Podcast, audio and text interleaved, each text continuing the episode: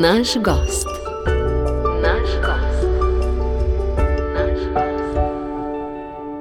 Lepo pozdravljeni, spoštovani poslušalci, drage poslušalke v oddaji Naš gost. Tokrat smo pred mikrofon povabili Neno Davtanac, ki jo prav lepo pozdravljam. Dobr dan in dobrodošli. Dober dan tudi vam in vsem poslušalcem.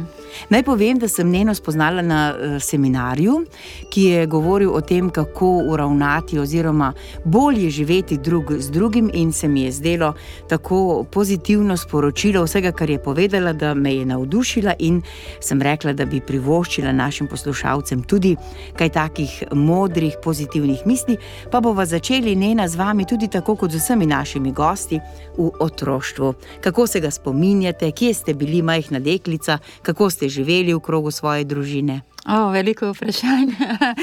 A, jaz se svojega otroštva zelo lepo spominjam. A, sem kmečka deklica, odrasla sem na kmetiji, a, kjer smo veliko delali. Pri nas otrok ni bil nikoli premajhen, da bi delal, ampak to ni bilo izkoriščanje.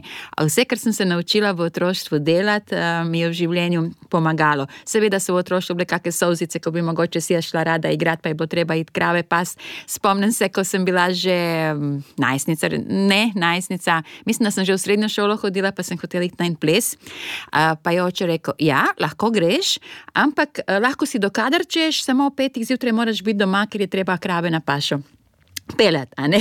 A, tako drugače sem imela mirno, radostno, veselo, srečno otroštvo, eh, starša sta bila v redu, pač stroga, vedelo se, kdo je mama, kdo je oče, vedelo se, da je starše treba v Boga, da je treba spoštovati, da je do starejših treba biti uh, uljuden.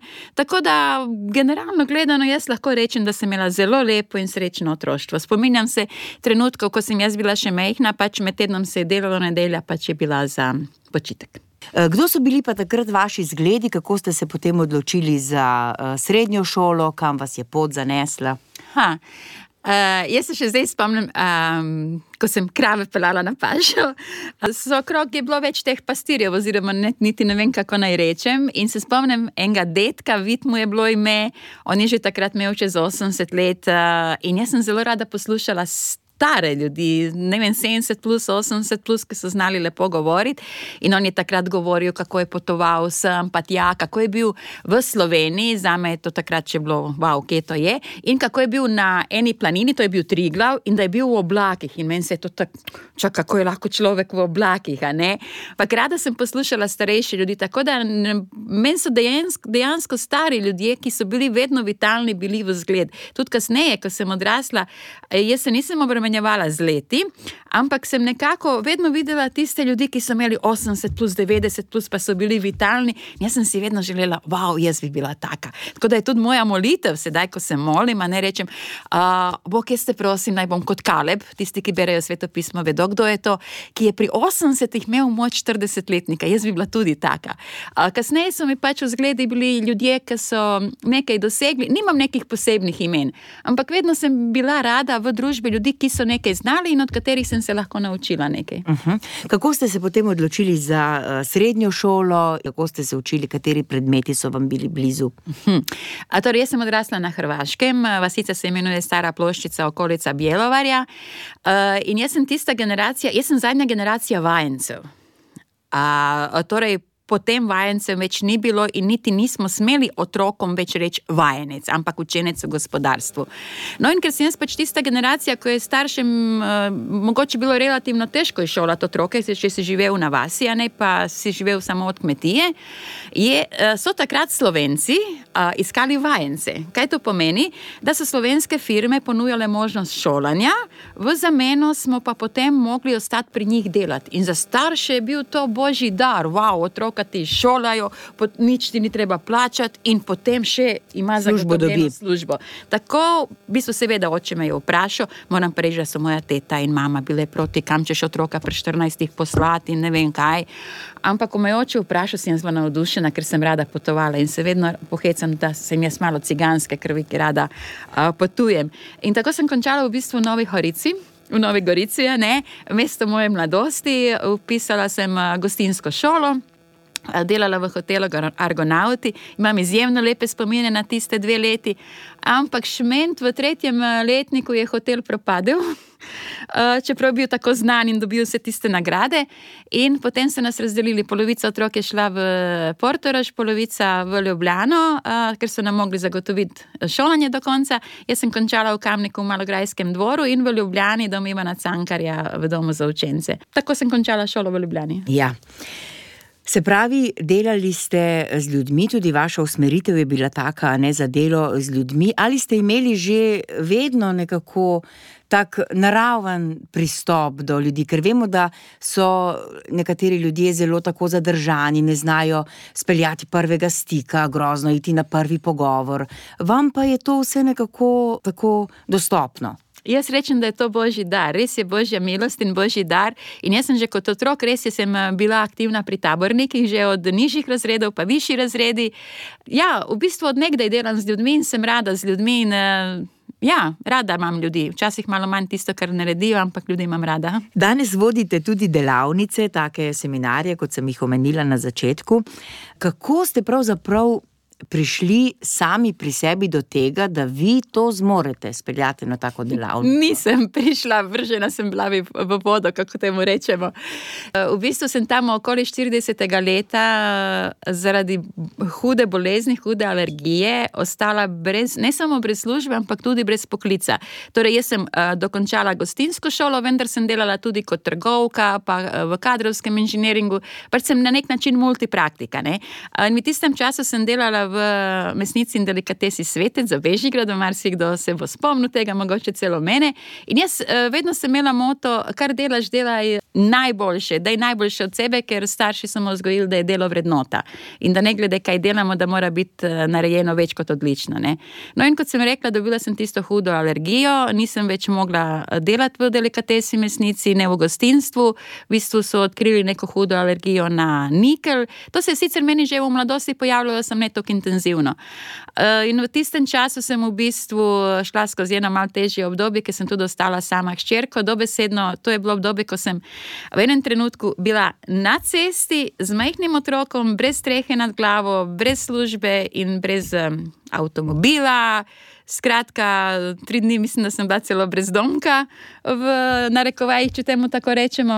Po naravi, po božji milosti, sem vedno usmerjena v iskanje rešitve. Sem se spraševala, ok, pridna sem, rada delam. Torej, kaj bi jaz lahko delala, kaj bi lahko počela?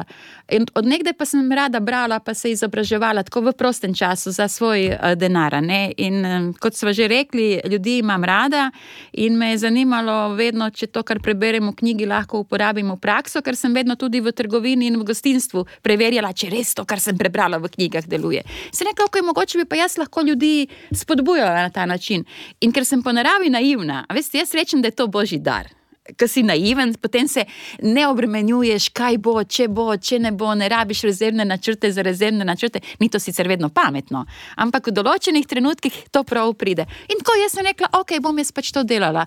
Sem šla na zavod za zaposlovanje. Okay, ker nisem imela najboljših izkušenj, sem pa imela odlično izkušnjo na eh, skladu za spodbujanje in zaposlovanje invalida.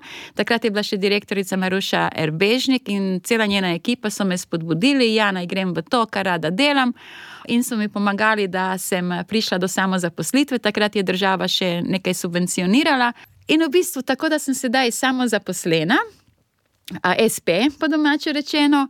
In ja, izvajam delavnice v podjetjih, izvajam delavnice za posameznike odprte, kateri ste bili tudi vi prisotni. In tudi v raznih društvih v bistvu izvajam brezplačne delavnice s ciljem res, da ljudem pomagamo do boljših odnosov. To je na nek način moj dar, ker ugotavljam iz dneva v dan bolj, da drug drugega največkrat prizadenemo nehote, nevede, nenamerno. Ja. Rekli ste, da ste se znašli na cesti, da ste bili par dni celo brez domka, ampak ta uh, dobra energija, ki jo imate, se mi zdi, da vas je potem pognala, katapultirala v to, kar uh, zdaj počnete. Koliko je bila pa stara vaša hčerka takrat, ko ste se znašli? Deset let. Sami? Kako je pa ona to prenesla? Um, Otrok kot otroka, veste, je pogumna punčka, vsakemu bi želela takega otroka, je od majhnega bila skromna, nezahtevna, spoštljiva, še sedaj je spoštljiva, eh, spoštljiva in skromna. Jaz lahko rečem, da je pogumno prenesla. Sicer eh, po naravi ni tipki na vzven, kažem, seveda je imela težke trenutke, eh, zagotovo ji ni bilo, ni bilo enostavno. ampak na koncu se je vse dobro. Ni bilo zaradi tega nekih um, problemov med nami, ali pa v šoli ni imela težave. Tako da lahko rečem, da sem imela okrog prijatelje, ki so me podpirali in mi pomagali. Ja. Predvsem pa mislim, da je nad menoj bila božja milost in božje vodstvo, in da brez Boga in brez njegove pomoči zagotovo ne bi bila to, kar sem danes. Ja.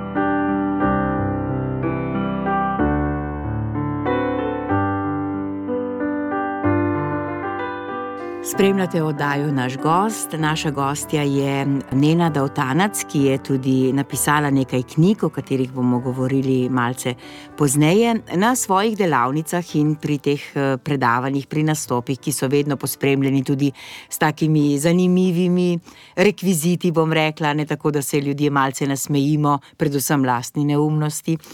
Uporabljate tudi navedke iz svetega pisma, to mi je pa prav posebej všeč, ker se mi zdi, da je ta knjiga izrinjena iz um, našega, kako bi rekla, običajnega besednjaka, razen seveda v krogih, ki jo uporabljamo, to je v krščanskem mm -hmm. svetu, sicer pa ne tako. Ja, jaz sem v bistvu tudi odrasla v tradicionalni rimokatoliški družini. Ko rečem tradicionalno, ne mislim nič slabo namernega, ampak veste, tradicija je včasih dobra, včasih je pač ok, greš v cerkev zato, da greš, ker to gredo vsi, ker se tako spodobi, da oddelaš tiste zakramente. Potem v srednji šoli sem nekako to nehala prakticirati, ne, in potem v nekem obdobju v bistvu, glih malo preden sem ostala uh, brez službe in poklica, uh, mi je ena prijateljica pričevala ali govorila, uh, je rekla: Veš, Bog je živ, Jezus je živ, Jezus ni mrtev, poznaš sveto pismo. Jaz sem takrat mislila, pa če v tistih časih sveto pismo imajo samo župniki, a ne, to ni za navadne uh, zemljane, čeprav to se je zdaj v zadnjih letih zelo spremenilo. Uh, in meni je bilo tako zanimivo njeno pričevanje, kako lahko se pogovarjaš z Bogom, kako lahko. Ja, prav, pa vse veš, da je Jezus šel na križ, umrl za tebe, moraš priznati svoje grehe in tako naprej. Pravi, veš, če želiš imeti osebe na odnos z Bogom, je tako, da ti moraš priznati Jezusa Kristusa kot svojega odrešenika, a ne pa če da moš verjeti, da je bil Bog človek, živel, umrl tretji dan, vstal, da je sedaj živ. Uh, in ko to izrečeš, to ti sama se njemu predaš. Pravi, tebe so tvoji starši krstili, so te predali Bogu, ampak pravi, ti moraš imeti svojo vero ti se sama moraš odločiti za Boga. In ok, jaz sem to naredila, sem rekla, ok, Jezus, ti bodi moj gospodar, verjamem, da si me na križu odkupil, da si na križu odnesel vse tiste moje neumnosti, grehe, prekletstva. In tako naprej in sem se začela v bistvu. Tako pogovarjati, ker si takrat govorimo. Uh, in dejansko so mi rekli, beri sveto pismo. Uh, Um, moram priznati, da ko sem začela od prve do zadnje strani, ogromno stvari nisem razumela, ampak ogromno stvari mi je bilo pa, wow, res. Aha. In pa so mi rekli, uh, Biblija ima odgovore. Sveto pismo, Biblija, pač ko kdo reče, ima odgovore na vsa vprašanja. Ma se nekaj, da ne more imeti odgovore na čisto vsa vprašanja. Ampak dejansko, kako se to smešno sliši, kako so mi takrat mogoče šli na živce s tem, dejansko je to res. Sveto pismo res ima odgovore na vsa vprašanja. Bo rečejo, ja, veš, um, sveto pismo je živa beseda, to ti go, Bog govori, Bog piše tebi, pravi, to je pismo od Boga. Neko, Aha, a res. In pravi, tudi danes je resnično, ne samo, pravi, uh, Bog tudi danes zdravlja, Jezus tudi danes zdravlja. Uh, in Bog ti govori, tako pa pravi svetem duhu, po tvoji vesti, se neko, a res. In tako da jaz na seminarjih veliko krat rečem, tisti, ki berete sveto pismo, tisti, ki hodite k maš, veste, to piše v svetem pismu. Uh, pa potem vprašam, hodite k maš, berete sveto pismo. Ker zakaj sem tako navdušena nad uh, svetim pismom? Uh, psihologi, psihiatri, znanstveniki so v zadnjih 50 letih prišli do ogromnih odkritij, kako deluje človeška narava. In to je krasno. Ampak jaz rada rečem. V Bibliji to piše že 2000 let, več kot 2000 let Bog govori o tem. Zato rada Biblijo omenjam. Ko imate ta predavanja, a ne in ko vas kam povabijo, oziroma ko si sami uredite tako, da kam potujete, imate verjetno nek občutek, zdaj po tolikih letih, že kar to delate, med eh, kakšnimi ljudmi ste, kako nagovoriti določeno publiko, kako to razberete, kaj bo recimo, kaj bodo pograbili in ali je mogoče v kakšnih stvarih eh, biti kar eh, tiho. Se to odločite, ko ste pred njimi, kako se pripravljate na to? Ja, v bistvu pripraviti se je seveda potrebno, ampak moja molitev je vedno, imam tudi prijateljico, s katero če le možno vsak dan zjutraj moliva in vedno predajava seminarje Bogu. Ne rečem, Bog, ok, ti poznaš ljudi, ti poznaš srce ljudi, prosim te, naj me tvoj sveti duh vodi in da bom res orodje v tvojih rokah. Tako dejansko včasih se res pripravim, recimo, da bom govorila A, B, C. Potem, ko se postavim pred ljudi, pa pride TVŽU. Tako včasih znam pojamrati tej prijateljici, se nekaj, joj, sploh nisem nič govorila o tistega, kar sem jaz imela na načrtu, pravi ona. Čak, A moliva, da te Bog vodi, da Bog govori tisto, kar je treba. Se nekaj, ja. ja, potem se odloči, ali hočeš govoriti to, kar tičeš, ali tisto, kar hoče Bog. Tako da dejansko pogosto se zgodi. Pravzaprav, če se zdaj spomnim na tistem prvem srečanju, ko ste me vi a, slišali, jaz do zadnje minute nisem vedela, kako naj se obrnem. In v zadnji minuti, ko sem že stala, sem vzela svinčnik in se spomnim, kot zdaj, tiste tri stavke sem napisala, Uh, in tisto mi je bila posmernica, na kateri potem ste bili vse navdušeni. Ker jaz dejansko ne poznam srca ljudi, jaz ne poznam njihove stiske, jaz ne poznam njihove težave in dejansko se prepustim svetemu duhu, da me vodi, zaupamo. In včasih ljudje rečejo: Kako ste pa to vedeli? A veste, ne vem, ste mi rešili zakon ali pa, pa to se meni dogaja v službi. Tako da, Čeprav se mogoče nekateri hecno slišijo, ampak dejansko se prepustim vodstvu svetega duha. Ja. Zelo dobro se mi zdi, da je delo vsem prisotnim, pa morda bo zdaj tudi našim poslušalcem, ne ena tako preprosta stvar, kot je recimo, kako imamo v. Stranišču oziroma v kopalnici obrnjen toaletni papir ali kako pospravljamo nogavice. Kdo bi si mislil, da je to lahko jedro kakšnega spora? Ja, pa še koliko krat se ljudje uh, zaradi tega sprejajo. Nekaj ste že sami omenili, jaz imam različne pripomočke, nimam PowerPointov, nimam računalnikov, ampak čisto take vsakdanje življenjske pripomočke, ker moj cilj je bil od prvega trenutka, ko sem se odločila delati z ljudmi, da res uh, uh, govorim o praktičnih življenjskih stvareh. Vsi imamo pluse, minuse, vsi smo. Uh, ponavadi uh, vprašam na seminarjih, ima kdo kakšno slabo lasnost, poleg mene slabo navado, je kdo naredil kakšno napako, sprejel napačno odločitev in seveda uh, ljudje dvignejo roke. Uh, to želim pokazati, da vsi mi imamo in pluse, in minuse, ampak vsi smo pa dragoceni, čudoviti, izjemni. In potem uh, um, pridem, vprašam, če kdaj komu pri nekomu gre kaj na živce, so se kdaj na koga ujezili in to uporabim potem vece papir. Vprašam.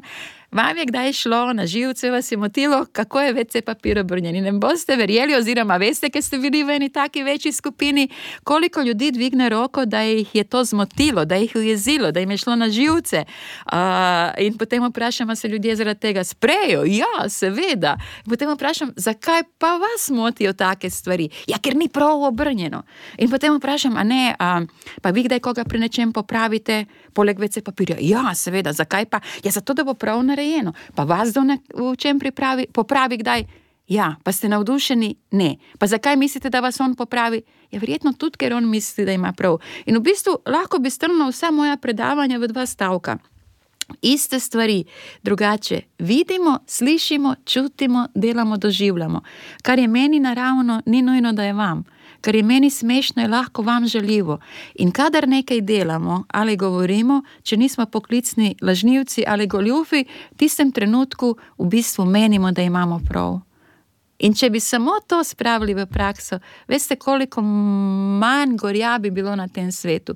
In ko ste uh, v bistvu pri večjem papirju, ga eni obračajo tako, drugi drugače, tretji me čisto vseeno, kak je obrnjen, četrte, če jim daš milijon evrov, nimajo pojma, kako je doma obrnjeno in se jim zdi popolnoma nesmiselno spoh zaradi tega prepirati. In dejansko to ni pomembno. Pomembno je, da je tam. Uh, Nogavice, ko ste omenili, sprašujem ljudi po Sloveniji, kako zlagajo nogavice. Do sedaj imam deset različnih načinov, kako se nogavice zlagajo. Na YouTubu lahko pogledajo, kako moj seminar, pa bojo videli.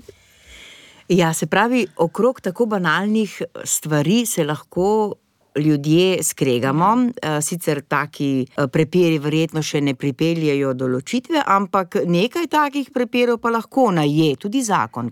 Lahko vodi v bistvu. Zarad, zakaj? Zaradi tega, če se jaz osredotočim na tisto, kar mene moti pri vas, ne pa na tisto, kar lahko cenim, spoštujem, eh, na tisto, kar se od vas učim. Če jaz samo gledam, če recimo narišemo črno piko, eno, kar me moti pri vas. In bom jaz vsak dan razmišljala o tej črni piki in bom drugim o tem govorila, jaz ta črna pika se bo večala in bom še kaj našla, kar mi ni všeč. Uh, in potem način razmišljanja, ta osredotočenost samo na tisto, kar me moti, sproži tudi moj način obnašanja in posledično v bistvu uh, najeda na en odnos, hkrati pa se ta črna pika veča in jaz več ne morem uh, videti vaših dobrih kvalitet, dobrih lastnosti. Uh, in zakaj to ljudje delamo? V bistvu uh, največkrat. Ko nekoga, bom rekla, obsojamo, kritiziramo, ko rečemo, kako je to lahko naredil, je to zato, ker izhajamo iz sebe. Eh, in jaz pravim, da stavek izhaja iz sebe, nam naredi gore gorja.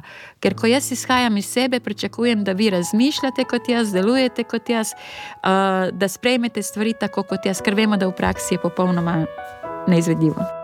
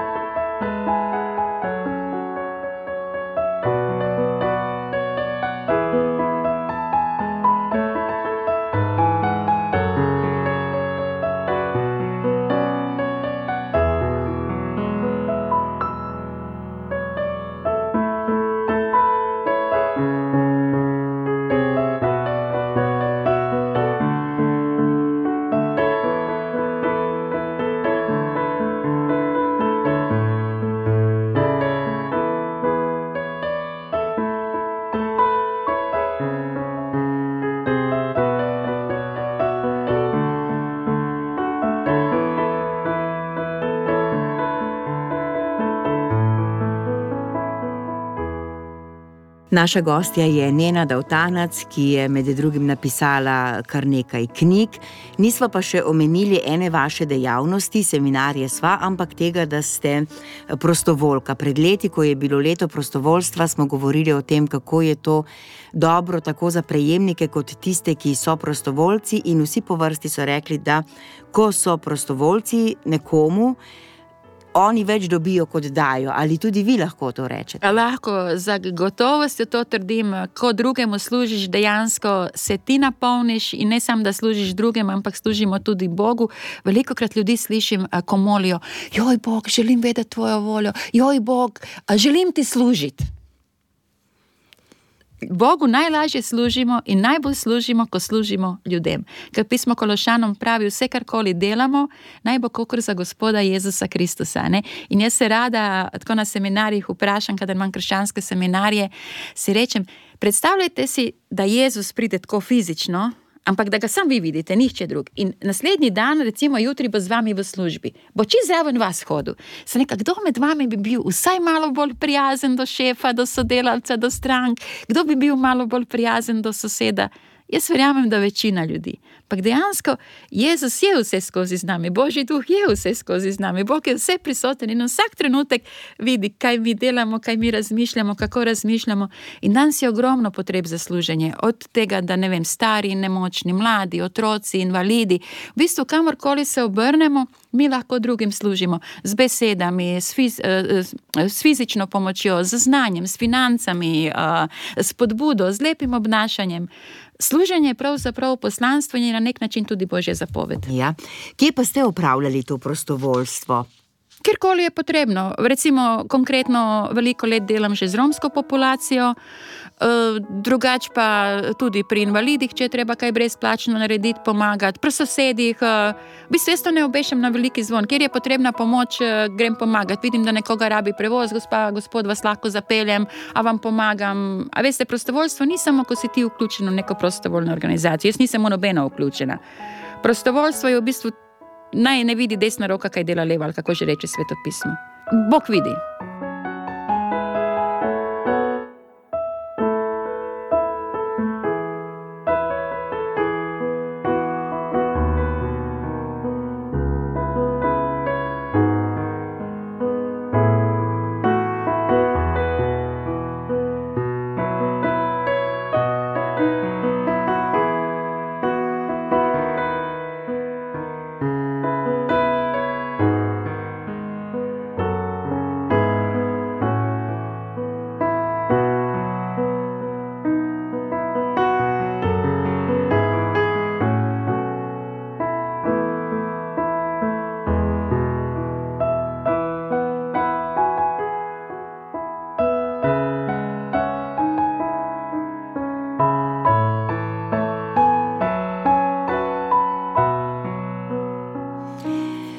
Zdaj smo pa prišli, Nena, da vtanac do vaših knjig. Kako se vam je porodila ideja, da bi pa vse te misli uh, zapisali, da bi bile zbrane na enem mestu, pa če lahko poveste vse naslove, in ali ste bili morda tudi pri knjigah tako vrženi v vodo kot pri seminarjih? Eh, na nek način sem bila, no, ne vem, glih prisiljena, uh, spodbujena, bom rekla. Udeleženci so me po vsakem seminarju uh, vprašali, gospa Nena, imate kakšno svojo knjigo, imate kakšno svojo knjigo. In seveda, gospa Nena ni, ker nažalost jaz nisem samo discipliniran tip. Uh, ne to pomeni vse, vse pa pisati, pa meni je lažje postaviti se v akcijo, govoriti, delati. Uh, rajši bom, ne vem, zunaj tri dni kaj delala, kot pa noter nekaj pisala, kar ni vedno ok. Uh, in prva knjiga, mislim, čustva je nastala v bistvu, ko sem enima prijateljima, ki sta imela stisko v zakonu, pomagala uh, in nekako sem rekla, ok, uh, um, vidva imata največ. Sama pri sebi sem razmišljala, največ problemov v svojih mislih, kako se odzivata, kako razmišljata, in je nastala um, takrat misli in čustva. Naše misli pravzaprav vodijo naše življenje. Najlažji primer, tisti, ki imajo vrtičke, uh, najprej zagotovo v mislih razmišljajo. Uh, kje bojo kaj posadili, kumare, paradižnik, fižol, preden grejo štihati, preden grejo kupiti semena, v bistvu že v mislih vidijo, kje bo kaj posajeno. In to velja za vsa področja življenja. Če jaz o vas sovražno razmišljam, jaz ne bom imela ljubeč odnos do vas. In obratno, ko sem nad nekom ali nad čim navdušena, potem skozi moja usta ne bodo šle sovražne besede. Torej, dejansko so misli, volan našega življenja, kamor gredo naše misli, tja gre naša, naše življenje. In ko se tega ne zavedamo, v bistvu. Uh, lahko naredimo veliko napako v življenju, ker če mi želimo karkoli spremeniti, moramo spremeniti način našega razmišljanja. Hkrati pa v današnjem svetu je zelo poudarjeno, sledi svojim čustvom, ker se jaz ne strinjam s tem, ker uh, čustva so pravzaprav posledica mojih misli. Jaz ne sledim čustvom, jaz sledim temu, kar je prav. Če sem kristjan, sledim božji besedi, sledim poštenosti, sledim pravičnosti. Daj, če je meni ok, mi je simpatičen uh, sosed in mož, jaz ne bom sledila svojim čustvom, ker to ni prav. Jaz delam to, kar je prav. Odkje pa pridejo čustva? Ja, če jaz na ljubeč način o nekom razmišljam, so taka moja čustva. Če jaz so sovražno o nekom razmišljam, so taka moja čustva. Če jaz z jezo o nečem razmišljam, so taka moja čustva. Torej, ne mi verjeti, ampak enostavno preverite v praksi, kakšne so moja čustva, takšne so moje misli, kakšne so moje misli, takšne so moja čustva. In pa če drugače rečem, eh, misli se porajajo v glavi, eh, iz misli pride čustvo, čustvo vpliva na moje obnašanje, moje obnašanje vpliva na moje odnose. Oziroma druga varianta misel se mota po glavi, temu rečemo razmišljanje, na podlagi razmišljanja greš v odločitev, iz odločitve gremo v dejanje, iz dejanja in akcije pa dobimo rezultate. Čisto ja. enostavno. Tako rekli ste, da ste knjigo Misli in čustva napisali za zakonski par, ki je bil v težavah. V tem času vemo, da je vsak tretji zakonski par eh, skoraj pred ločitvijo. Kako težke in hude stvari so to za vse upletene, še najbolj pa za otroke. Zakaj vi mislite, Nena Dovtanec, da smo prišli tako daleč, da recimo tudi krščanski parja, ko mm. se mhm. poročijo, dajo besedo o zdravju, mm. bolezni, tudi potem, ko ne vem, mi ne bo več vse všeč, bom ostal v tem zakonu, gredo na razen. Zakaj je tako? Zagotovo je tu več vzrokov. Uh, ampak tako, z mojega stališča, en velik. Uh, me, velik razlog, vzrok za spor je zagotovo uh, nepoznavanje, nerazumevanje delovanja človeške narave. Torej, ta naša različnost, da iste stvari drugače vidimo, slišimo, čutimo, delamo, doživljamo, to izhajanje iz sebe, da pričakuješ, da drugi funkcionira kot ti, zagotovo je velik razlog, uh, ker se danes absolutno gleda samo na svoje pravice. Jaz imam, bit, jaz imam pravico biti srečna, to je moja pravica, matematika v odnosih, danes sem pa jaz pomila posodo, jutri boš ti. Uh, pomankanje spoštovanja, razumevanja, ljubezni, potrpežljivosti. Uh, veste, veliko ljudi ima dobre namene in recimo um, so, so primeri. Spomnim se enega primera, se pravi, uh, razni predavatelji učijo, uh, pač mož in žena sta enako vredna, morata drug drugemu pomagati. Absolutno se strinjam temu, s tem. Ampak če mož dela cel dan, žena pa je doma, potem mislim, da je prav, da je njena dožnost, da naredi vse doma, ne pa ko on pride domov, no, se boš pa ti kuhal, ker sem jaz včeraj. Um, mislim, da veliko krat premankuje zdrave kmečke pameti In da učenja, da razmišljamo samo o pravicah, naredijo ogromno škode. Pravice in dožnosti so neločljive. Tako v zakonu, kot na delovnem mestu, kot v družini. Otrok prenese domov z loženkom, ne vem, drugem, tretjem razredu otrokove pravice, ki je skoraj pol metra dolžna, niti na eni strani ni, kaj pa otrokovih dožnosti. In to je tema, ki je bolj, da jo zdaj pustimo pri miru, ker jaz bi tem lahko govorila zelo dolgo, ampak zagotovo uh, učenje samo o pravicah naredi veliko škode. Pravice in dožnosti, in najprej so dožnosti. Jaz imam pravico do svojega plačila, ampak najprej moram oddelati delo, da dobim plačilo. Ja. Potem imam pred seboj še knjigo Žrtev ali zmagovalec. Kako ste pa to pisali? V bistvu, uh, jaz sem se odločila za te knjige na spodbudo uh, svojih udeležencev, ampak v bistvu vsak seminar, moj cilj je zdaj tak, da vsak seminar spravim v knjigo, mislim v knjigo, v zapiske. Uh, da jo pač dam na papir, da ker so še vedno nekateri ljudje, ki radi berejo, pa da si lahko večkrat oddelajo. Nažalost, če nadaljujemo, kar smo se prej pogovarjali, veliko ljudi pozna samo svoje pravice, ne pozna svojih dožnosti in zelo spretno se spremenijo v vlogo žrtve. A veste, to, uh, veliko ljudi svojo neodgovornost, lenobo uh, uh, da pod krinko, uh, zapakira v krinko uh, žrtve. Veste, če jaz zahtevam, to zelo lahko mogoče se povežem tudi z mobbingom, ker je naslednja moja knjiga, ki bo kmalo išla, kaj mobbing ni. A ne ogromno se govori o mobbingu. Ampak to, da vi kot moja šefinja, recimo, karikiram, od mene zahtevate, da uh, pos, več kot odlično naredim svoje delo, to ni mobbing zahteva po dobro upravljenem delu, ni mobbing. A veste, in to so take stvari, kako je, torej, kako je nastala žrtev in zmagovalec, ker vse prevečkrat doživljam ljudi, kako se imajo za žrtve. Ne, recimo tudi eh, ljudje, ki so v otroštvu mogli delati, jo, jaz sem v otroštvu bil izkoriščen. Ne, nisi. Če nisi bil maltretiran, če nisi bil tepen, ja, v družini vsi delamo. Jaz rečem, otrok ni nikoli premajhen, da dela. Če, če si pred dveh leti lahko razmečeš igrače, jih lahko tudi pospraviš v škatlo. Veste, če otroka pred dveh ne naučim pospravljati, ga pred dvajsetih zagotovo ne bom. Tako da v bistvu s knjigo Žrtev ali zmagovalec želim pomagati ljudem, da prepoznajo, a sem res žrtev da se razumemo, vsakdo med nami, brez izjeme, lahko postane žrtev. Jaz sem takrat, ko sem ostala na cesti, bi se lahko spremenila v žrtev, vsi so krivi, ampak kaj bi mi to pomagali? Sem se raje odločila iskati rešitve. Torej, da ljudje s to knjigo sami pri sebi prepoznajo, da bodo sami do sebe pošteni, ok, a sem res žrtev, ali so me sam drugi v to prepričali, da sem. Uh, ali mogoče res pretiravam, ali želim biti žrtev, ali želim biti zmagovalec. Ker v križišču ne moremo istočasno desno in levo. Moram se odločiti, ali hočem iskati rešitev, ali hočem poveličevati probleme. Ker mi ne moremo vedno izbirati okoliščine in ljudi, ki se bomo našli. Lahko se odločim, ali bom iskala rešitev ali poveličevala probleme, ali bom žrtev ali pa zmagovalec. Ja. Nena Dovtanac, bi povedali zdaj morda kakšen uh, vaš spletni naslov, morda kakšen naslov za YouTube, kjer lahko poslušalci tudi pogledajo te vaše uh, seminarje. Ja, z veseljem. Jaz sicer nisem tehničen tip, tako da nimam svoj kanal na YouTubu, ampak smo tako sprot metali seminarje gor.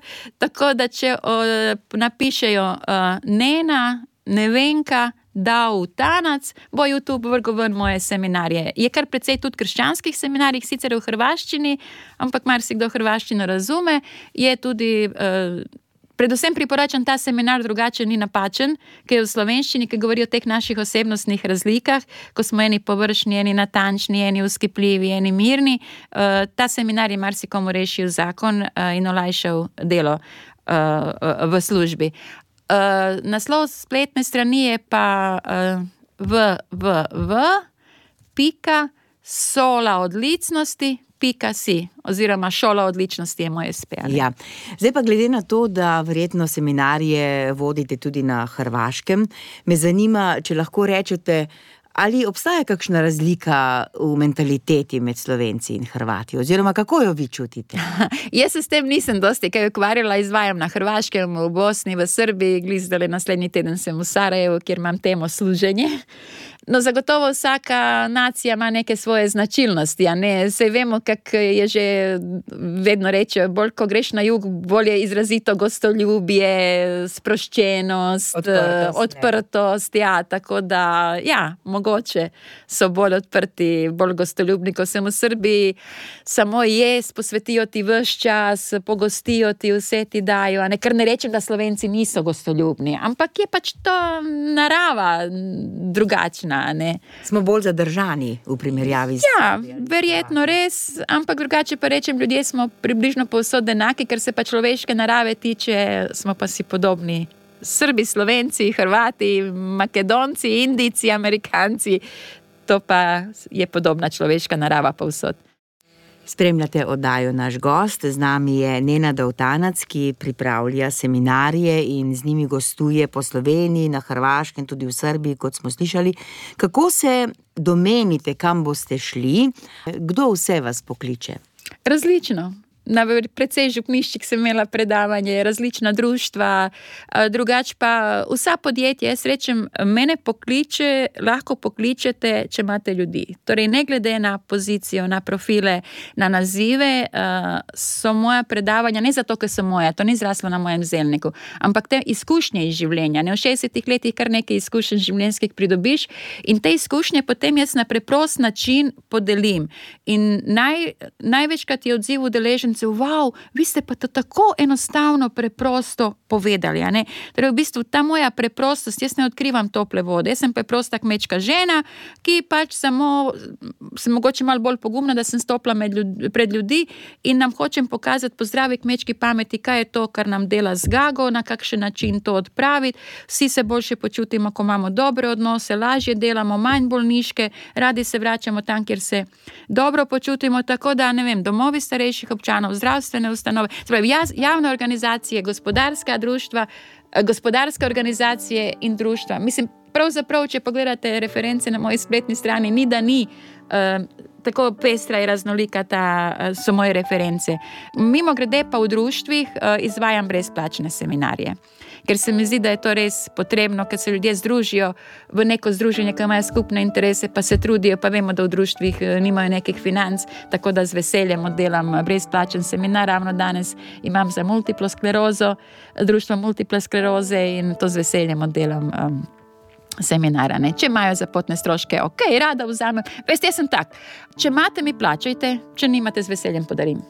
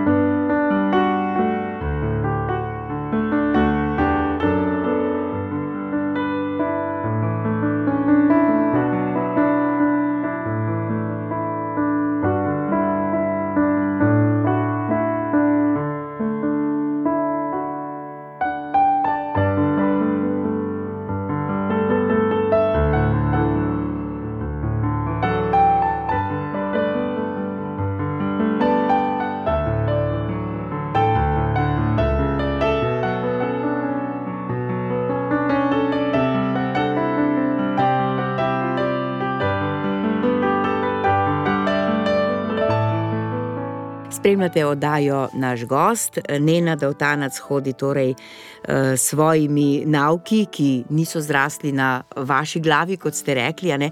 Tako preprosto se zdi, tako enostavno, da bi človek rekel: Aha, gremo zdaj poslušati to predavanje, potem bo pa doma vse v redu. Ampak zakaj v praksi ni potem tako? ja, teorija je vedno lažja kot praksa. Jaz to tudi rada rečem. Teorija je lažja kot praksa, ampak vaja dela mojstra, mojster dela vaja. Veste, ljudje smo bitja navad. Če sem jaz leta in leta bila ne vem, neprijazna, nepotrpežljiva, arogantna, ne moreš zdaj to. Človek ni računalnik, ni robot, da ga boš čez noč spremenil. Ampak kjer je volja, se najde tudi način. Ne? Torej, z to neko potrpežljivost, da druga drugi pomagava, da drugo drugo opomnimo, ok, ne na lahko to na lep način poveš, ok, ne na uh, si sem te slišala. Jaz rečem, da moramo drug drugemu pomagati, ne, ne iskati tiste slabosti, ampak res, da če se odločiva, tudi če imamo konflikt, pa ga je treba rešiti, da se odloči, da se ne bova napadali, da se ne bova zmerjali, da se ne bova žalili, da bova z mirnim tonom to povedali v ljubezni in spoštovanju, v pravem času, na pravi način, na pravem mestu. Da ne bova si samo čitali slabih stvari, ampak da tudi si priznava tiste dobre. Ne, recimo, kar mene žalosti, ko pride ali v, na, v poslovnih odnosih ali pa v osebnih odnosih do, do razkola, do razdora. Ne vem, nekdo nekaj naredi napako ali pa nekaj. 20 let si krasno sodeloval, bili ste uno, eno, bi skoraj to človek tako rekel. In potem čez noč nekdo proti nekomu ali nečemu začne tako sovražno govoriti, tako odbojno, pa se sprašujem, Ja, kje pa je vseh tistih 20 let, tistih lepih, čudovitih let, ki ste jih imeli?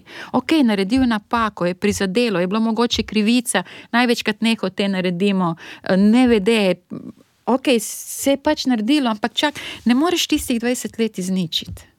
Praksa je odločitev, a veste, moje obnašanje je moja odločitev, ne glede na to, kako se vi obnašate. Zdi se, da vam dela ne bo zmanjkalo, ampak vseeno, ali pridejo tudi za vas kdaj kakšni težki trenutki in rečete, zdaj imam pa rahlo dovolj, pa se nekam potegnete, pa ste, ne vem, teden dni v mirovanju, da napolnite baterije.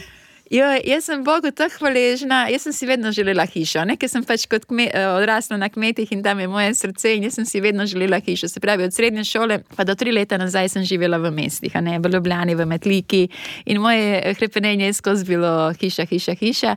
In to je res Bog posredoval in mi je odgovoril na molitev in mi je v dokleževi dal res čudovito hišo. Več, dal mi je več, kot sem si želela, čudovite sosede, čudovite okolje. Tako da z, rada sem zunaj, v tiku zemljo. Uh, in ko imam kakšno tako žuto minuto, jaz rečem, uh, včasih si rečem. Ljudje, pa vi ne veste, da motivacijska govornica rabi tudi motivacijo, ne? ker pač veliko krat po telefonu pomagam ljudem in tako naprej. In pridejo trenutki, ko si rečemo, da rabim nekoga, da tudi mene ohrabri, da tudi mene spodbudi. Ljudje nismo roboti, jaz ne poznam nobenega, ki bi stoprocentno bil vedno, na, vedno pozitiven, ne poznam nobenega, ki ne bi imel kakšne težave. Kdaj. Ja, imam tudi težave, imam probleme, imam izzive, sem po božji milosti usmerjena v rešitev in kot pravi božja beseda na veliko mestih. Zgodi naj se ti, kakor veruješ. Ko moliš, verjemi, da si že prijel. In zdaj često prakticiram, ok, oče nebeški, imam ta in ta problem. Uh, ti, ti si vse mogočen, jaz verjamem, da ti to boš rešil meni v dobro. Torej, jaz se ti zahvaljujem, da je to že rešeno. In če se za nekaj zahvaljuješ, se tvoje počutje dviguje in prideš spet na površje. Ja. Glede na poklic, ki ga opravljate, bi rekla tudi, da morate uh, stalno biti v nekem izobraževanju. Koliko berete, po kom se zgledujete, saj vemo, v tujini je kar nekaj takih negovorcev, ki znajo očarati uh, svojim nastopom, ampak govorijo v bistvu verjetno podobne stvari kot vi. Ja, ja. V bistvu, ja, lahko rečem, da vsi, mi, ki imamo nek skupen cilj, ki želimo pomagati ljudem, uh, uh, podobne stvari govorimo na mogoče na različne načine. Uh, no, zagotovo je Biblija moj veliki, oziroma svetopismo, uh, učbenik, iz katerega je kaži pot. Kaži pot ja. uh, seveda v podjetjih jaz ne rečem, to je iz svetega svetopisma, Janez 31 reče tak in tak, ampak podajam vedno svetopisanske resnice in v bistvu delodajalci bi mogli iskati uh, kristjane, kristjan pa bi mogel biti najbolj iskan delavec, ker božja beseda pravi, da naj damo vse od sebe, ko delamo. Uh, torej, potem je uh, John Maxwell, njega zelo rada berem, Zig Ziglar, Florence Litauer, uh, Anthony Robbins, Robert Schuller. Uh, to so pač uh, govorci oziroma knjige, katere uh, rada berem. Uh mhm. -huh. Ali imate v Sloveniji ali na Hrvaškem in Srbiji kakšne sodelavce, take, da bi se lahko kdaj uh, vem, skupaj dobili, se pomenili o izkušnjah, ali ste samotni jezdec? Aha, oboje. oboje. Uh, rada sem sama, uh, rada se pa tudi družim rada delim svoje izkušnje, svoje znanje, rada pomagam. Tako da jaz vedno rečem, veste, dos, po, po vsakem mojem seminarju, jaz odeležencem rečem, kdo želi povzetek seminarja, naj napiše elektronski naslov in potem pošljem uh, obilne povzetke, obilno gradivo in vedno rečem, to lahko delite naprej. Uh, veste, koliko so meni ljudje rekli, uh, biznismeni, pa ne moreš to kar deliti. Pa veš, to je, tvoj, to je tvoj čas, to je tvoj trud, to je tvoje znanje, uh, uh, pa ne moreš to kar deliti. Jaz rečem, zakaj ne? Znanje je treba deliti, da se pomnožuje. Sej Bog nam je dal uh, znanja, sposobnosti, talente, se ni nič mojega. Tako da moje znanje, moje, mislim, moje znanje, moja gradiva lahko delite povsod. Jaz rada delim znanja, vsa. Od cateringa, recimo, rada cateringe tudi delam, rada oblikujem hrano, dela na vrtu, karkoli znam, če želiš, ti dam. Ja.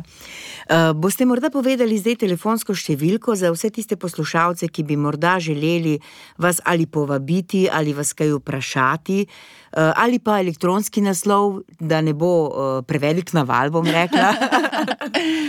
Z veseljem, moja telefonska številka je nič 4, nič 8, 2, 5, 4, 4, 2. Elektronski naslov je pa čisto enostaven. Podaj roko, afna, gmail.com. Podaj roko je skupaj. Ja. Uh, takole, prišli smo skoraj do konca, ne na da vtanac tega pogovora. Uh, se mi zdi, da ste napolnili ta prostor z eno neverjetno energijo, vsekakor bi jo želela zadržati za čas, ko pridejo kakšne žute minute, kot ste rekli, in verjamem, da ste prostor napolnili tudi pri naših poslušalcih. Kaj bi rekli takole za konec tega pogovora? Imejmo se radi, imejmo radi našega Boga, Bog če nas ljubi, Bog sin je umrl za nas na križu, da bi imeli življenje obilju, pravi Janez 10, 10, ne, prišel sem zato, da bi imeli življenje in življenje v obilju. In Bog Sveti Duh je tukaj v nas, živi v nas, govori nas, vodi nas. Tako da zagotovo pravim, um, kot reče en moj prijatelj, uh, molitev je rešitev, ko molimo, molimo res s tisto vero, zaupanjem, da ima Bog odgovor. Sam problem je v tem, da božji čas in naš čas ni vedno usklajen, mi si včasih želimo že včeraj. Uh, Bog pravi, počakaj malo. Lahko povem eno šalo na ta račun. Nekdo je vprašal Boga, Bog, kaj je res pri tebi en evro, en milijon? Reče Bog, ja. Ja, pa kaj je res pri tebi en dan, tisoč let? Reče Bog, ja. Bog, kaj mi lahko daš en evro? Reče Bog, lahko, počakaj en dan. Skratka, bodimo pozitivna sprememba v tem negativnem svetu, puščajmo pozitivno luč. Božja beseda pravi, da bodimo sol in luč. Veste, soli ne potrebujemo veliko v hrani, to smo verjetno že veliko krat slišali. Ena užigalica razsvetli še tako hudo temo. Ni enostavno, ampak Bog je rekel, naj ne skrbimo, kaj bomo govorili, kako se bomo obnašali, on bo vedno z nami. In če sledimo, veste, temu, kar je prav, ne to, kar je moderno ali to, kar dela večina uh, mislim, da nam bo življenje veliko lažje. Ja. Kaj je pa vaše največje plačilo? Predstavljam si, da ne denar, ki ga dobite kot prostovoljni prispevek na uh, seminarju za potne stroške. Zadovoljstvo ljudi, a veste, uh, upam, da mi zdaj ne bojo soze uh, onemogačile to reči, ampak ko uh, dobim tisto pošto, hvala, gospodina, da se je rešen naš zakon, hvala, hvala da ste rešili to situacijo, uno situacijo. Uh, v bistvu jaz vedno rečem, ne meni hvala, hvala vam, da ste uh, šli v akcijo in to naredili. Jaz sem samo dala smerokaz, jaz sem samo uh, pokazala način, dala možnosti, vi ste pa tisti, ki ste se odločili in ki ste tako delovali in ki ste tako funkcionirali. To, to je največja zahvala, ker so ljudje hvaležni in ko vidiš spremembo uh, v drugih ljudeh. Ja. Rekli ste v tem negativnem svetu, bodimo pozitivna sprememba. Uh, se pravi, pri sebi naj človek vsak začne in naj misli, da tako kot on sam misli, ni nujno, da misli tudi njegov mm. sosed. Ne? Ja, točno tako. Dajmo možnost vsakemu, da ima svoje mišljenje. To ne pomeni, da se moramo z njim strinjati, ampak če se ne strinjamo, ne pomeni, da ne moremo s to osebo biti spoštljivi, korektni, prijazni, pošteni in pravični. Ja. Nena Davtanec, najlepša hvala vam uh, izrekam ob koncu res še enkrat in želim uh, še veliko uspešnih seminarjev, da bi vas ljudje spoznali po vsej Sloveniji in da bi tudi vaše knjige prišle do bravcev. Najlepša hvala vam za povabilo, pozdravljam vse poslušalce in kot vi rečete, da bi me ljudje spoznali, zagotovo bi bila vesela. Jaz pa želim, da bi vsi spoznali našega Boga, od osebnega odrešenika Jezusa Kristusa in da bi tudi z njim imeli odnos. Naš gost.